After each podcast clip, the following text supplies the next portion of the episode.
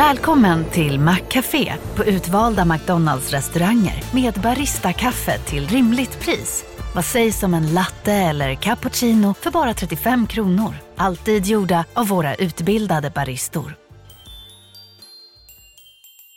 Hej, Susanne Axel här. När du gör som jag och listar dig på en av Krys vårdcentraler får du en fast läkarkontakt som kan din sjukdomshistoria. Du får träffa erfarna specialister, tillgång till lättakuten och så kan du chatta med vårdpersonalen. Så gör ditt viktigaste val idag, lista dig hos Kry.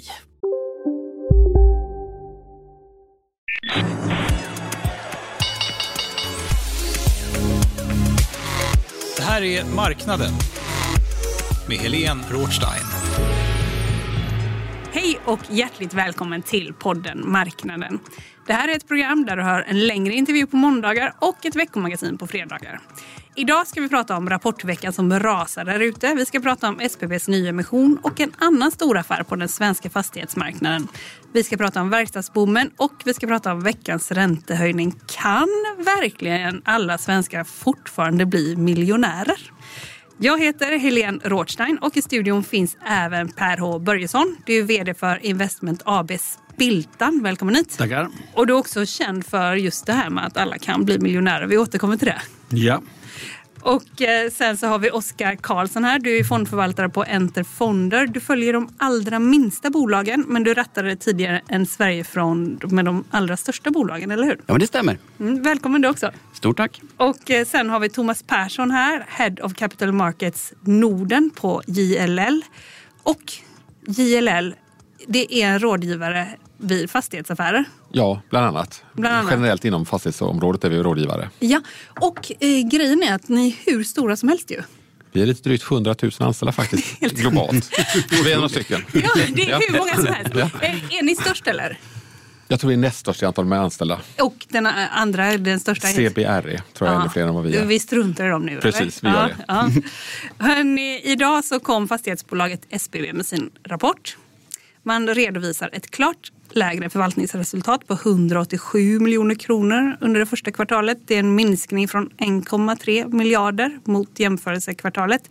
Väntat var dock ett förvaltningsresultat på 610 miljoner kronor. Vi ska prata om deras emission senare. Men jag bara tänkte så här, Oskar. Detta är ett av börsens mest ägda bolag med 260 000 aktieägare. Det är typ lika många som Uppsala kommun. Eh, och eh, varför skiljer det sig så mycket åt mellan förväntan och utfall här? Nej, men det är väl helt enkelt att det är så pass många eh, olika eh, osäkerhetsfaktorer helt enkelt. Eh, dels internt i bolaget men också externt i form av eh, räntenivåer eh, men också skuldsättningsgrad och så vidare. Eh, och, och det blir ju väldigt mycket osäkerhetsfaktorer som säkert är svårt för analytikerna att få ett tydligt och klart grepp om. Ja, okej. Så att det ligger i sakens natur liksom. Ja, kanske framförallt i den fas där bolaget är nu och i den fas där vi är i marknaden. Eh, både vad gäller räntenivåer och liknande. Så det är väl det som skapar stor osäkerhet och väldigt stora eh, möjliga utfall i, i estimaten vid rapport. De kommer ju ut nu att de vill göra en företrädesemission av D-aktierna eh, om cirka 2,63 miljarder kronor. Och syftet är att sänka bolagets skuldsättning. Hur ska man tänka per H? När man vill göra en nyemission och samtidigt behålla utdelning. Vad tänker du? Ja, det är väl inte riktigt logiskt givetvis får man väl hålla med om. Så de flesta skulle väl säga att det inte är logiskt att man skulle skippa utdelning då. Men det är väl den unika situationen i bolaget och att eh, ägaren vill ha lite utdelning helt enkelt. Eh, för att kunna betala sina lån där uppe eh, på hans holdingbolag. Det är väl förklaringen till det. Ja. Du har inte SBB? Nej, vi har haft, vi sålde in ett bolag, Kuststaden, till SBB för ett antal år sedan och sen har vi då successivt sålt våra aktier som tur, som tur är. Ja. Med tanke på utvecklingen då.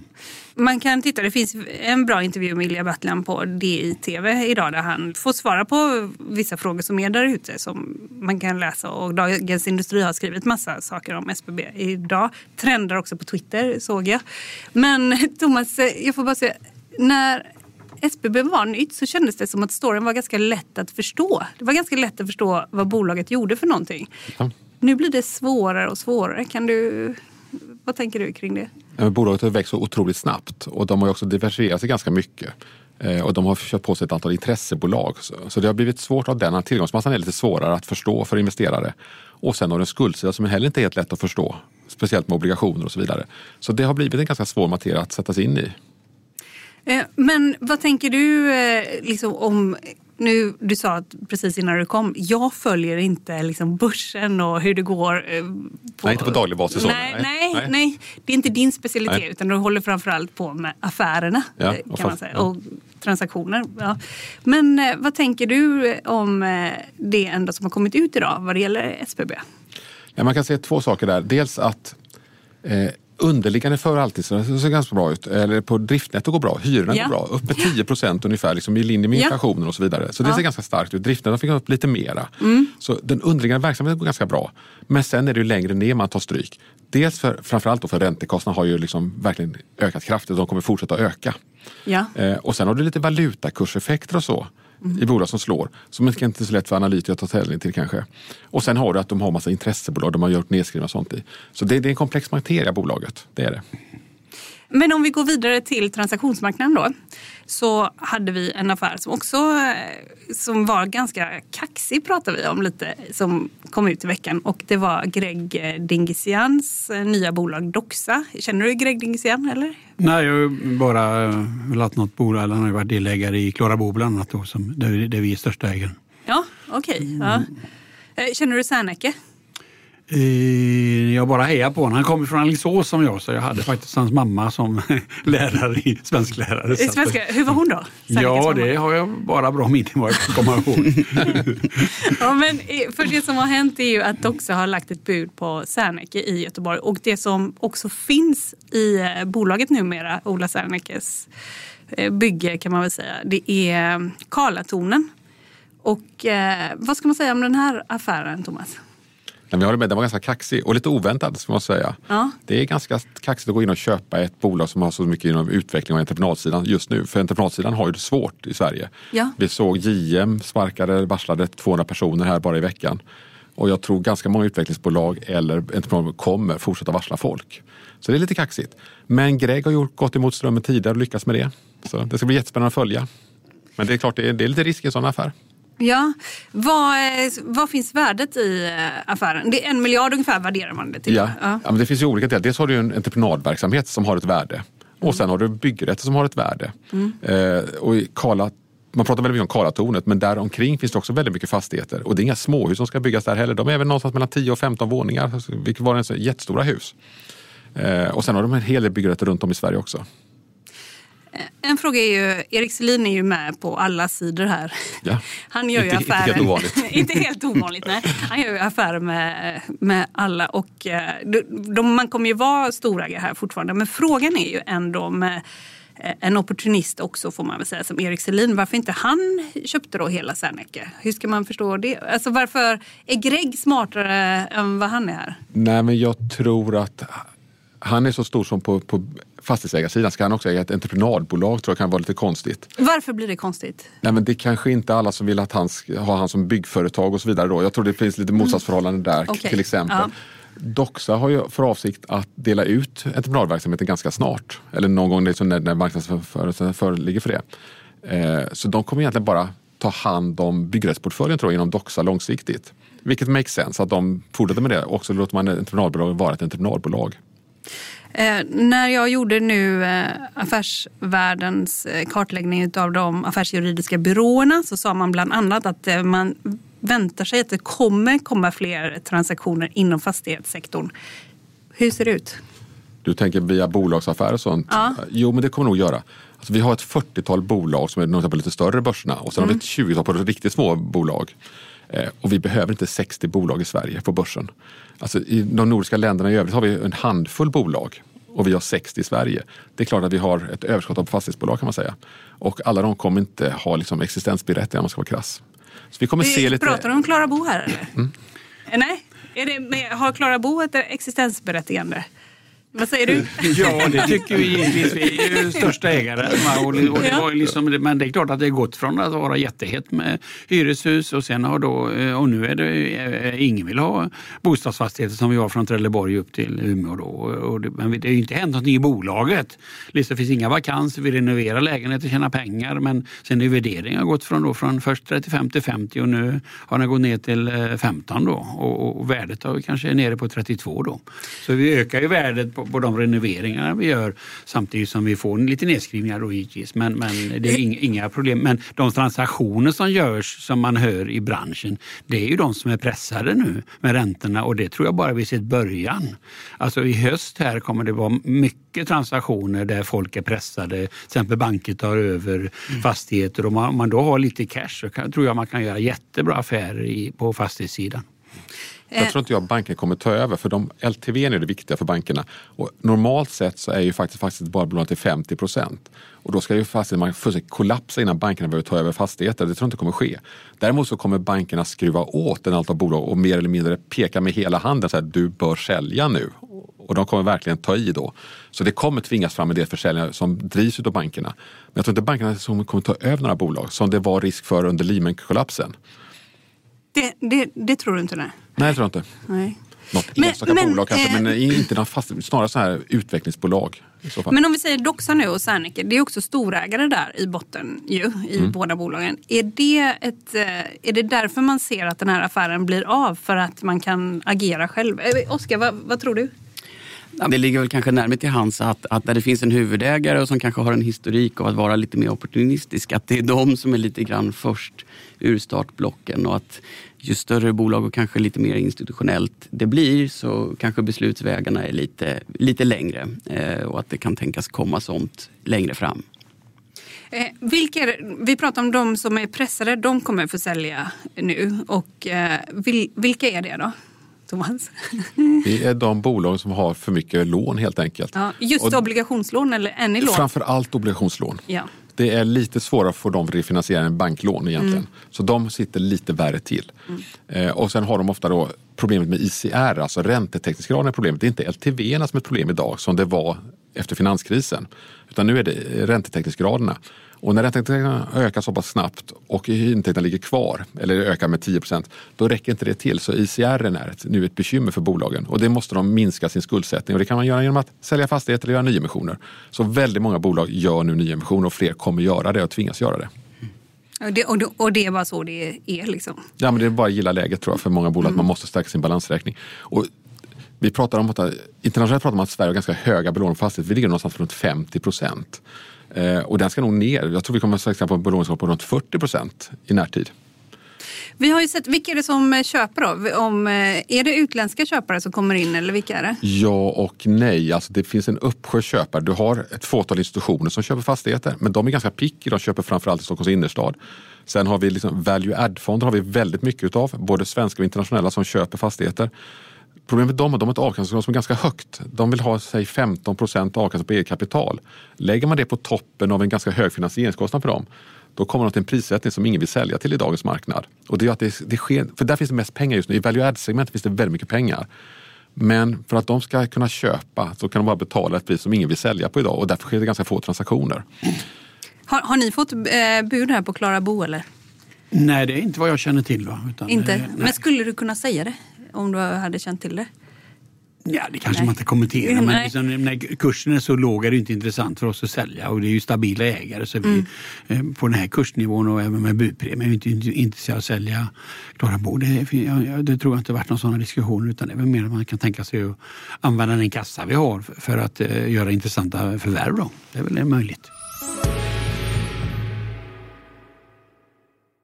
Marknaden sponsras av SPP och Storebrand Asset Management. Eh, Storebrand och SPP hör ju ihop sedan många år och utan att gå in på detaljerna här och nu så kan jag i alla fall säga att Storebrand förvaltar över 1200 miljarder kronor, bland annat åt just SPP. Och jag träffade Storebrand nyligen för att prata om Kina. Kina har ju blivit en sån otroligt viktig del i omställningen av energisystemet. Över 70 procent av värdekedjorna inom vind och solkraft kontrolleras av Kina, vilket är helt häpnadsväckande när man tänker på det. Och Det handlar om att Kina väldigt tidigt insåg att energi är makt och att man genom sol och vindkraft kan göra sig mindre beroende av att importera olja och gas. Then if you think that tomorrow or today's you know, power base is going to in a large part be about renewables, then obviously having a stranglehold on those renewables and all the technologies that go into it is going to be part and parcel of that power play. Det här är Philip Ripman som ansvarar för Storbrand Global Solutions, en fond som investerar i lösningsbolag över hela världen. Eh, den här intervjun om Kina och eh, geopolitiken som liksom är invävd i den här globala omställningen eh, den släpper vi som ett bonusavsnitt i vår podd Kapitalet, alltså vecka 11. Mer information om Storbrand Asset Management det kommer vi få i kommande avsnitt. Du lyssnar på Marknaden med Helene Rothstein. Om vi går vidare här och pratar, när vi är inne på räntor så kan vi gå vidare till nästa ämne. För i onsdags gjorde Riksbanken en räntehöjning med 0,5 procentenheter till 3,5 procent. Prognosen visar att styrräntan troligen kommer höjas med ytterligare 0,25 procentenheter i juni eller september. Gjorde Riksbanken rätt, Oskar, som höjde nu? Oj, eh, 10 000 kronors frågan. Eh, ja, men jag, jag gräver ju mestadels i specifika bolag eh, så att jag får förlita mig på att de, de gjorde ett väl genomtänkt beslut helt enkelt. Ja, vad säger du? Ja, jag är inte så heller insatt i det där, va? men det känns väl lite märkligt att det börjar. Man känner väl att inflationen börjar gå ner. Så det finns ju många som tycker att de tar i för mycket. Och mm. det har redan, inflation och, och har redan börjat gå ner så då är det ju frågan om man, om man eh, det är många hushåll som blir drabbade givetvis nu med de här räntekostnaderna. Så att det känns ju jobbigt för hushållen då. Mm. Och vad säger du från fastighetssidan här? Jag tycker inte marknaden, marknaden var ganska bra. Så faktiskt, swapräntorna sjönk ju faktiskt. Och det är det som fastighetsmarknaden bryr sig om. De bryr sig inte om den korta räntan drar iväg så mycket, det är swapräntorna. Eh, så den gynnades faktiskt lite grann. Nej, ja. ja. Men eh, om vi säger som pressade hushåll och så. Du, eh, Per H, säger man Per H ja, det hela går tiden? Bra. Det går bra. du, du, per H, du har ju sagt eh, alltid att alla kan bli miljonärer. Stämmer det fortfarande? När hushållen är så pressade? Ärligt talat. Ja, det är klart att det är alltid svårt. Det är ju alltid en avvägning då. Ska du konsumera idag eller ska du ha jättemycket pengar i framtiden? Och det är klart att det då gäller att ha lägre kostnader än intäkter varje månad och, och lägga det i långsiktigt sparande, typ aktiefonder eller, eller aktier då. Och då blir du en vinnare på sikt och sen är frågan hur mycket kan du eh, lägga nu då? Det blir tuffare givetvis. Men, men annars fungerar det. Men liksom, 25 procent av alla hushåll köper postkodlotter som är helt vansinnigt. Va? Man, man lägger massor med dumma, gör massor med dumma saker. Så man, varför slutar man inte med det? Eller varför slutar man inte köpa kaffe på, gratis kaffe på kontoret? Ändå köper anställda 30 kronor när man sitter på tunnelbanan. Det är 150 kronor, det blir 600 kronor på en vecka. Det, blir, det är ju en miljon om 20-30 år med ränta på ränta. Så absolut att det går. Men det är, inte lätt och det blir svårare när man har en tuff situation. Så att, eh, så att det är ränta på ränta. Sätt av ett belopp, typ 10 procent av din lön varje, varje månad så blir du ju miljonär. Sen bara frågan hur mycket du kan sätta in. Eh, men folk tror ju inte det och, och, och, och klart vi sitter här i finansbranschen och tycker att slänger oss med miljoner hit och dit. Men för en vanlig människa är det otroligt svårt att, att börja spara då. Det, det, det är ju det som är. Och den här utbildningen, jag har skrivit debattinlägg precis, man borde ha liksom ränta på ränta utbildning och, och på, på skolor och liksom utbilda folk. Man ska inte köpa lotter, man ska spara varje månad istället. Men det, det är otroligt liksom problemet att alla kan berika på aktier. Man får inte ha bråttom säger Buffett är det det. Det är därför man ska, man ska bli miljonär imorgon. Ja, då är det ju lotter, men det, det, det är ju ytterst få som blir det då. Du är en riktig Buffett-adept va? Ja, det får vi säga. Mm. Är, är, du det också, Oskar? Jo, men det måste man väl ändå vara om man håller på med aktier. Men tror du att man kan bli eh, miljonär liksom nu? Om man kan bara spara, lägga undan lite, spara? Eller är du orolig för konsumenten, hur mycket pengar man har?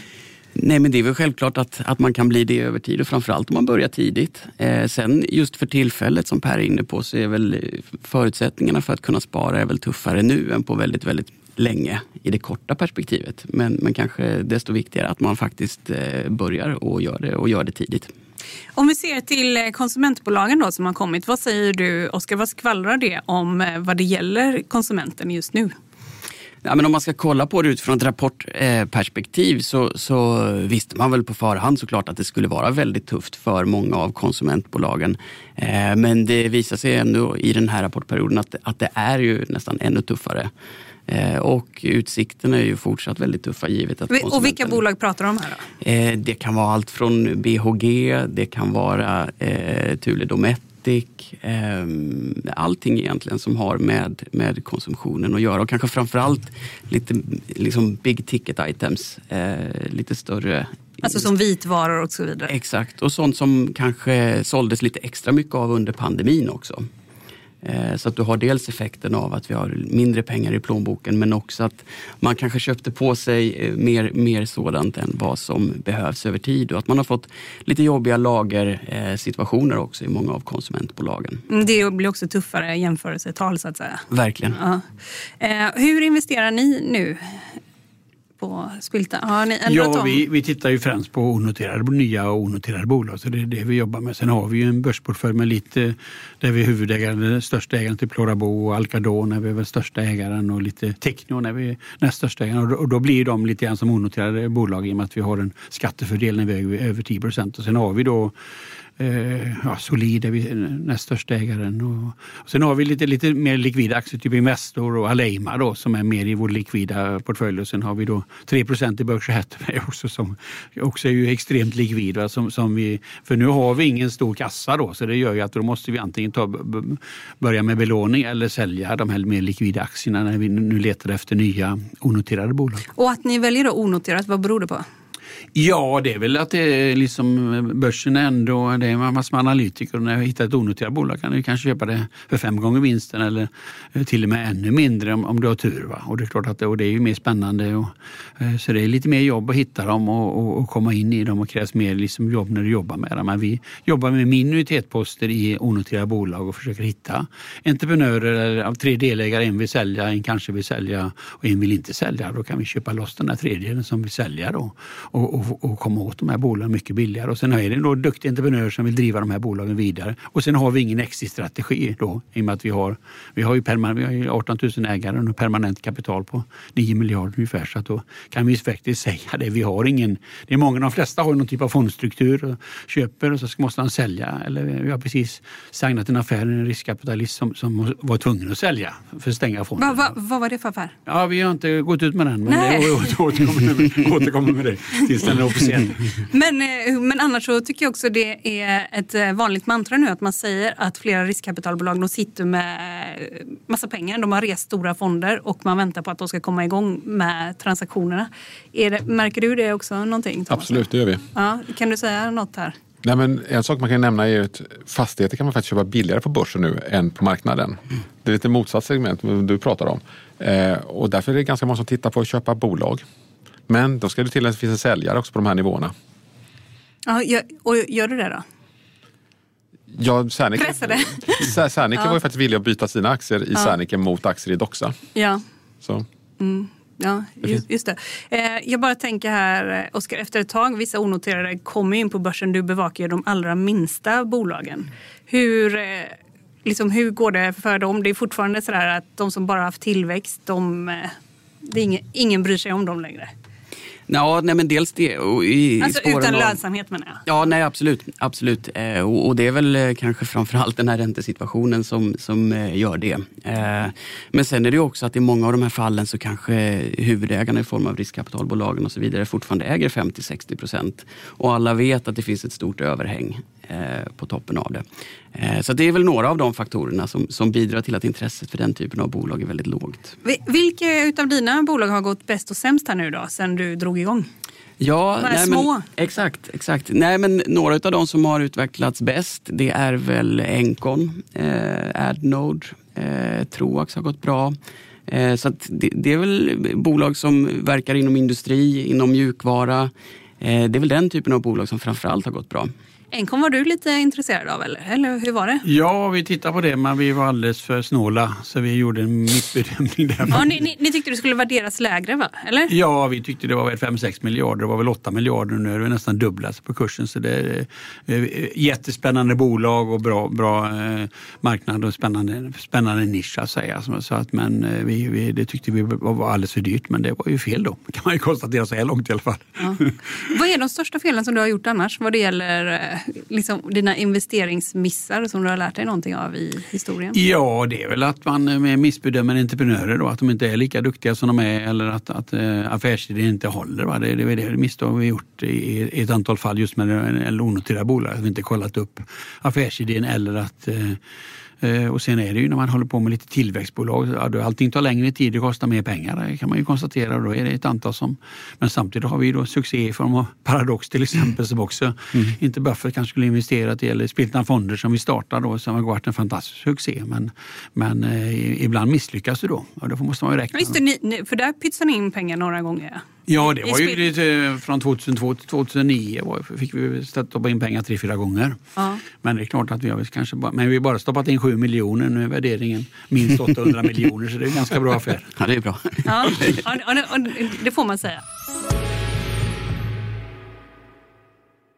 Vi har ett samarbete med Pareto Business School. Jag tror att en del kanske hörde den här intervjun som jag gjorde med grundarna Jens och Mattias här i januari.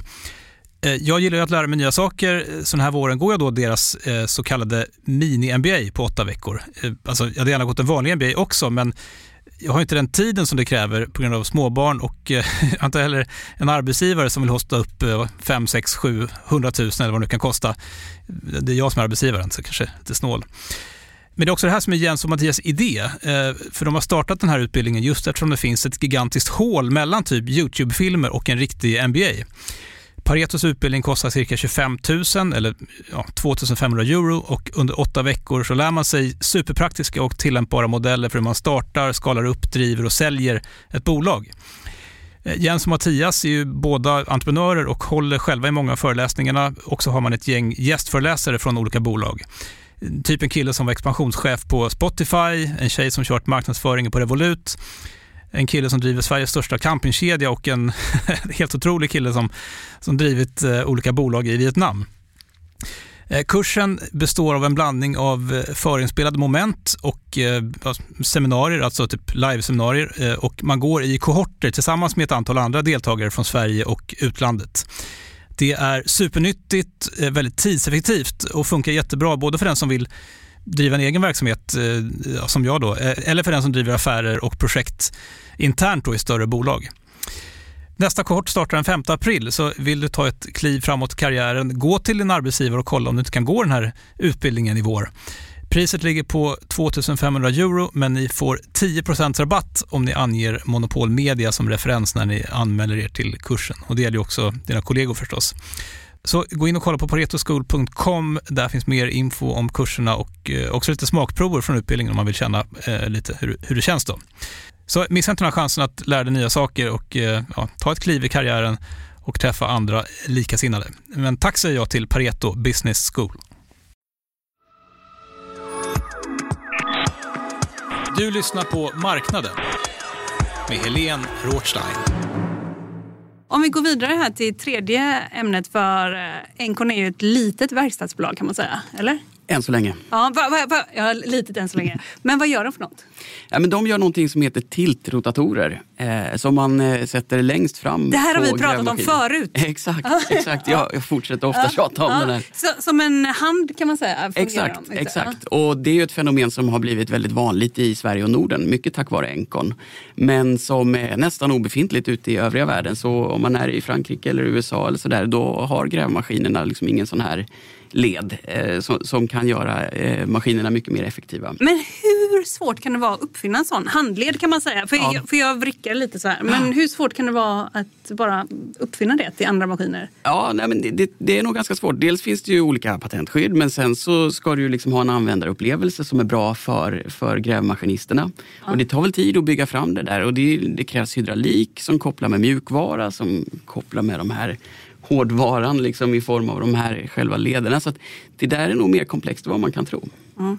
För om man tar då från lillverkstad till storverkstad då, så eh, finns det här på Dagens Industris första sida, ganska roligt. Det står så här, Atlas Copco förlåt oss alla som tvivlade. Och det är den största här och eh, det handlar ju om Atlas Copcos rapport som chockade marknaden igår. Egentligen ska man väl inte bli så chockad av ett så stort bolag som Atlas Copco. Vad, vad säger du Oskar?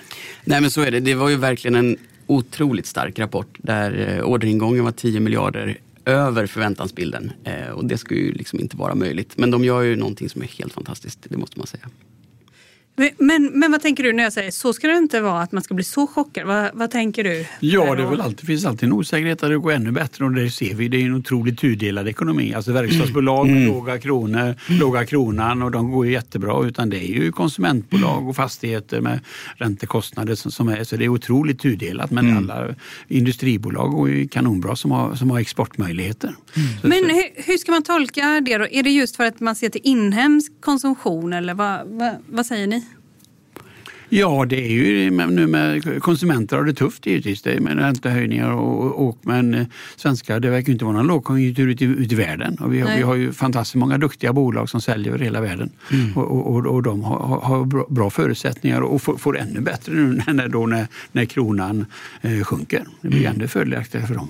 Mm. mm. Och extra, extra tudelning när du har ett företag som säljer till företag. Där verkar ju prishöjningar kunna gå igenom och volymer finns kvar. Säljer du till konsument och bolaget i sig har mycket skuld, ja då blir det superjobbigt. Så att, verkligen tudelat.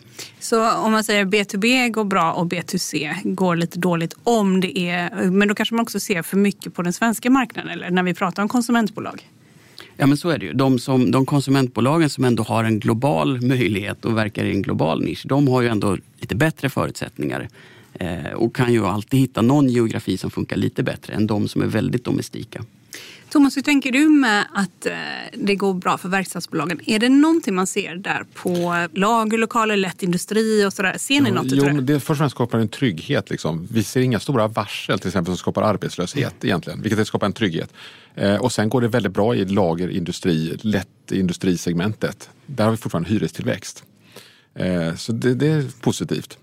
Och när vi är inne på konsumenterna här tidigare så måste man säga att de svenska konsumenterna är de deppigaste i Europa just nu. Mm. Och det handlar väl väldigt mycket om att vi är väldigt högt belånade i Sverige och vi lånar kort. Jag får väldigt många internationella investerare som kommer hit och undrar hur fasen tänker ni? Låna kort allihopa? Är ni galna tycker de? Ja. Eh, Svarar du ja på det? Eller? Nej, jag säger vi har, ja, jag, delvis, men jag säger samtidigt vi har gjort rätt de senaste 20 åren som legat kort. Mm. Där de har legat långt så har de förlorat varje år. Så har vi bara sparat lite av det vi har tjänat varje år på att ligga kort mm. så borde man inte ha några problem. De som har legat kort och ligger kort nu och som inte har sparutrymme, de har det jättekämpigt. Men de flesta har faktiskt byggt upp enorma förmögenheter i Sverige på sina bostäder. Faktum är att en stockholmare har nästan tjänat mer på sitt boende, sitt jobb de senaste 10-15 åren.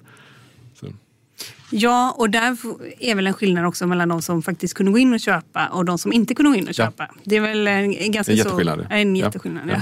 Ja. Eh, vad, vad, gäller konsument, ser ni också större vakansgrad ute i butikerna och, eh, och bråk mellan hyresgäster och hyresvärdar? Det, det, är inget som ni håller på med, kanske bråken just? Eller? Nej, inte så sett. Men inom butiker så är det en del hyresgäster som, som har bekymmer.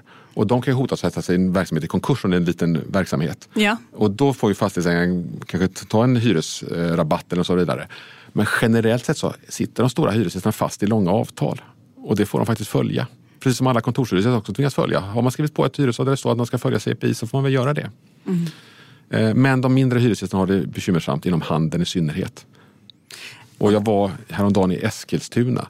Det var så mycket tomt när jag gick på huvudgatan. Jag var helt chockad. Alltså var tredje butikslokal var tom där. Så en del svenska städer har det nog väldigt bekymmersamt. Men generellt sett, vi ser inte mycket tomma lokaler i Stockholm till exempel. Gör man inte det? Nej. Jag, nej, jag tycker nej. inte butikslokaler. Det finns någon enstaka men inte mycket. Jag är ofta i Globens köpcentrum. Ja, okay, men då, då är det Klövern ser du. Ja, ja, men där har ett bestånd som inte liksom moderniserats på många, många år. Någon nej. gång ska man väl lyfta det också. Ja, det är nya tomma lokaler nästan hela ja. tiden. Men, men okej, okay. men sammantaget så verkar det ju vara så att man ska inte se så nära sig själv hela tiden. Eh, om vi också tar eh, verkstad, konsument och så vidare. Man ska liksom eh, se vad som händer ute i världen lite mer. Ja. ja. Hur ska man tänka då Per kring att det är så tudelat i ekonomin. Hur orolig är du för svensk ekonomi generellt? Nej, men det, det, brukar ju lösa sig. Va? Så det, ja. Jag tycker inte att man ska vara...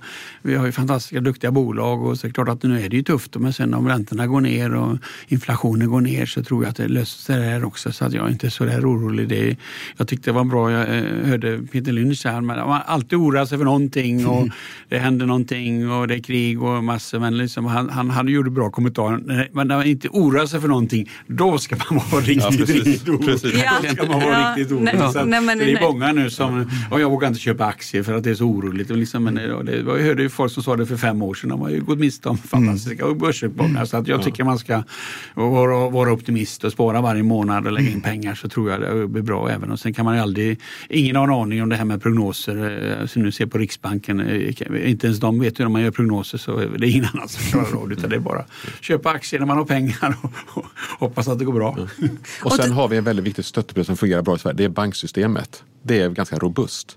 Eh, om vi jämför det här med Lehman Brothers, då var ju hela banksystemet i hela världen i gungning. Mm. Då skapade det en enorm oro. Då visste man inte hur man skulle komma ur krisen. Nu har vi faktiskt banker som levererar bra resultat och de tar inga, inte ens i fastigheter kommer de ta några stora förluster. Eh, så det skapar också en väldigt trygghet tycker jag. Så jag är inte heller mer än måttligt orolig för den här krisen vi är i just nu.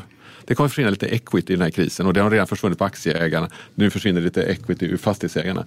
Men det är inte värre än så. Va, va, vad säger du Oskar, är du orolig?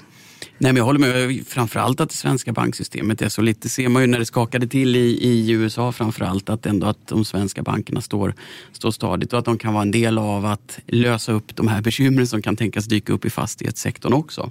Så att det inte är så att banksystemet är svagt på toppen av att fastigheter har det tufft just nu. Så att säga. Utan det tycker jag känns stabilt och bra. Okej, eh, vi eh, är ju mitt inne under brinnande rapportsäsong. Vad har ni tagit med er? Eh, Oskar, vad har du tagit med dig och vad tittar du på under nästa vecka som kommer? Ja, nej, men jag tar nog framförallt med mig att eh, nej, men industri gör det bra. Eh, nischade industribolag kan fortfarande skapa bra värde och det känns ju toppen. Mjukvarubolag likaså. Och sen att de trenderna som man befarade inom exempelvis bygg, fastigheter och konsument är fortsatt tufft. Eh, att, Lite värre än man hade trott menar du? Ja, det, liksom, det, kommer andra negativa aspekter såsom att det är jobbigt med lagren, det är jobbigt med skuldsättning, eh, ytterligare marginalpress. Det är liksom motvind på många, på många fronter där. Eh, så att i närtid så, så, känns det väl som att de där trenderna kommer att hålla i sig. Eh, men sen får man väl se på lite längre sikt. Någon gång kommer ju fastigheter och, och, och konsument komma tillbaks och, och verkstad möter tuffare jämförelsetal. Så att det där kan ju säkert ändra sig. Men det är nog lite längre fram. Och du Thomas, vad säger du? Ja, men jag håller med. Och fastigheter kommer komma tillbaka den dagen liksom räntorna nått piken. Mm. Där är vi inte riktigt än. Nej. Och det kommer att komma fler affärer. Det kommer det att göra. Ja. Och med, vad, vad, vad har du i pipen Så, nu? Ja, det vet jag inte vad jag ska säga här i en podd. Men... Det är bara vi här i rummet. ja, okay. Dela med dig till ja, resten av klassen. Om ni lovar att inte berätta det för några andra. Ja. Uh, nej, men det kommer ske, men det kommer inte ske lika mycket transaktioner som det gjort de senaste åren. Eftersom alltså. det är så svårt med finansiering så kommer transaktionsvolymen generellt gå ner. Det ja, för nu förlitar man sig bara på bankerna. Ja, ja man är hänvisad till dem egentligen för det går inte att ta upp nya obligations för nya förvärv skulle jag vilja säga. Right. Mm. Och det tror jag också i Doxa, jag tror inte de hade några obligationslån Nej, till exempel. Jag tror inte heller. Nej. Så att då eh, blev det lite lättare. Ja. Och, och eh, Perro, vad säger du? Rapportsäsongen rasar. Vad har du koll på nästa vecka? Nej, vi tittar, eller åtminstone jag tittar inte på rapporter. Vi är, vi är så långsiktiga ägare. Så Men du har folk som var, gör det åt dig va? Varje, varje, vi har väl en här på Spiltan som eh, ja. tittar lite grann på det. Men, men sen kan man ju se om det är någon, eh, om det är någon, det är ju eh, fördel om det är volatilitet. Liksom är det någon som kommer någon dålig rapport och vi tror på bolagen på lång sikt, då ska man ju köpa aktier. Va? Så då, då, se om det är någon som vill göra något dumt efter rapporten. Men, men då, då, då, har man några dagar på sig så jag behöver inte läsa. Så jag lägger inte så mycket tid på det faktiskt. Det gör du inte? Mm. Nej. Hörni, jag säger stort tack till er för att eh, ni kom hit till podden Marknaden. Per H Börjesson, Thomas Persson och Oskar Karlsson. Tack så mycket för att ni kom hit. Och jag heter Helene Rådstein och ljudtekniker. Han heter Kristoffer Krook och vi ges ut av Monopol Media. Och vi är tillbaka igen på måndag. Och så säger vi trevlig helg! Tack så mycket. Tack så mycket.